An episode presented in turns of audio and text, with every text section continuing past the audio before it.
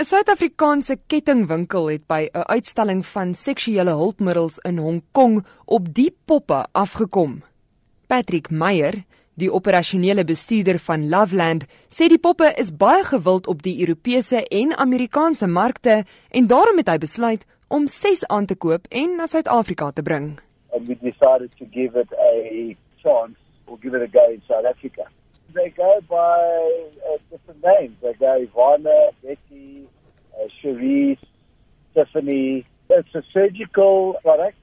It's a high quality, high grade product that they're using that feels, it's almost like um, uh, real skin. Die poppe word gemaak om soos regte vroue te lyk en te voel en weeg in die omtrek van 60 kg. Hulle het openinge soos regte vroue by die ore, neus, mond, anus en vagina.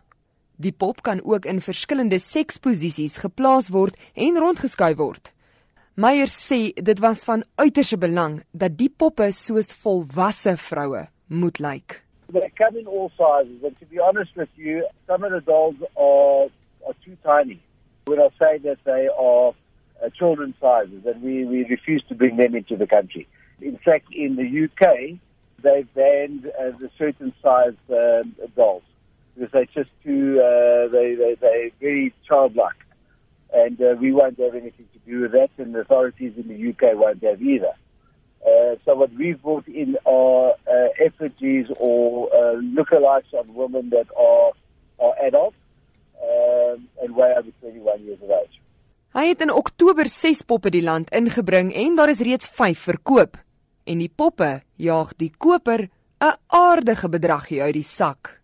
The suggested retail is 25,000 rand, but we brought them in. To be honest with you, we brought them in as a bit of a giggle. We didn't expect them to go as well as they did. What we did is we uh, discovered that uh, the demand was so big. We then sold uh, six of them in three weeks, in less than three weeks. I've ordered 36 to bring into the country in January, end of January. Seksuele hulpmiddels is volgens Dr Elmarie Mulder Craig, 'n internasionaal gesertifiseerde seksuoloog, niks nuut nie. Daar is al vir eeue verskillende soorte seksuele hulpmiddels vir mans en vroue op die mark. Maar as mens dinge soos penisringe, vibrators en die meer algemene seksuele hulpmiddels buite rekening hou, wat kan die aankoop van poppe vir seks vir die mensdom beteken? Dit word gesien as 'n alternatief tot seks met jou maat, maar kan in my opinie ook nie regtig intimiteit met jou maat naboots nie. Daar's moontlik fisiese bevrediging, seksuele bevrediging, maar ek dink nie dit kan menslike interaksie, kommunikasie en daai sielskonneksie vervang nie. Dieselfde neurooordragstowwe wat afgeskei word tydens seksuele intimiteit met jou maat, soos serotonien en, en oksitosien gaan waarskynlik ook nie afgeskei word nie. Wetenskaplikes is nou hard aan die werk om seksrobotte te vervaardig. Dit is selfs nog nader aan die ware Jakob en sal na verwagting deur 'n Android toepassing werk sodat jy vir haar verskillende funksies en selfs persoonlikhede kan aflaai. Die seksrobot sal kan grappies maak, vrae beantwoord en ook komplimente gee. Die wetenskaplikes wat haar vervaardig, voer aan dat sy nie gemaak word om vroue in die slaapkamer te vervang nie, maar eerder as 'n metgesel vir diegene wat nie 'n vrou in hulle lewens het nie. Meyer sê, sodra die seksrobot op die mark is, sal hy graag een aan Suid-Afrika wil bring, juis om laasgenoemde rede. Absolutely. Look, you know, the thing is, there is a therapeutic value of these dolls. It's for company. If you if you see who's actually buying the dolls, and bought, bought the dolls from us, it's, it's mostly from gentlemen that are in need of company. Mulder Craig stem saam dat tegnologie en die gepaardgaande seksrobotte voordele mag inhou. Soos tradisionele seks um, hulpmiddels seksrobotte gebruik kan word vir mense met gestremthede of mense met erge seksuele disfunksies byvoorbeeld iets soos erge presteringsangs wat dit onmoontlik maak om 'n gesonde seksuele verhouding met jou maat te hê. Mense met erge sosiale angsversteurings kan ook waarskynlik baat vind hierby.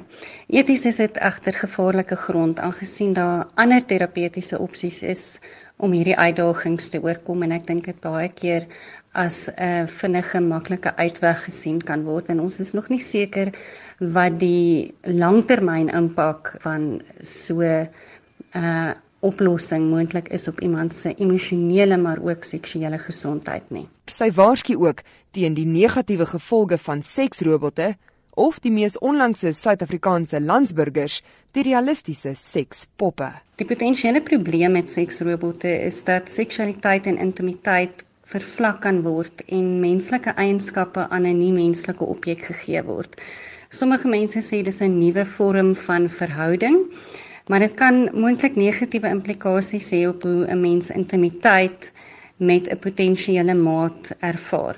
Dit gaan dus eerder oor die intensiteit van die ervaring van die seksuele as oor sensualiteit en intimiteit. Baie dieselfde as wat gebeur wanneer 'n mens pornografie kyk. Verder dink ek dit kan nogal vrouens uh, verder objektifiseer. Dr Elmarie Mulder Kraik is 'n seksuoloog. Ek is Henry Wondergem vir SAK nuus.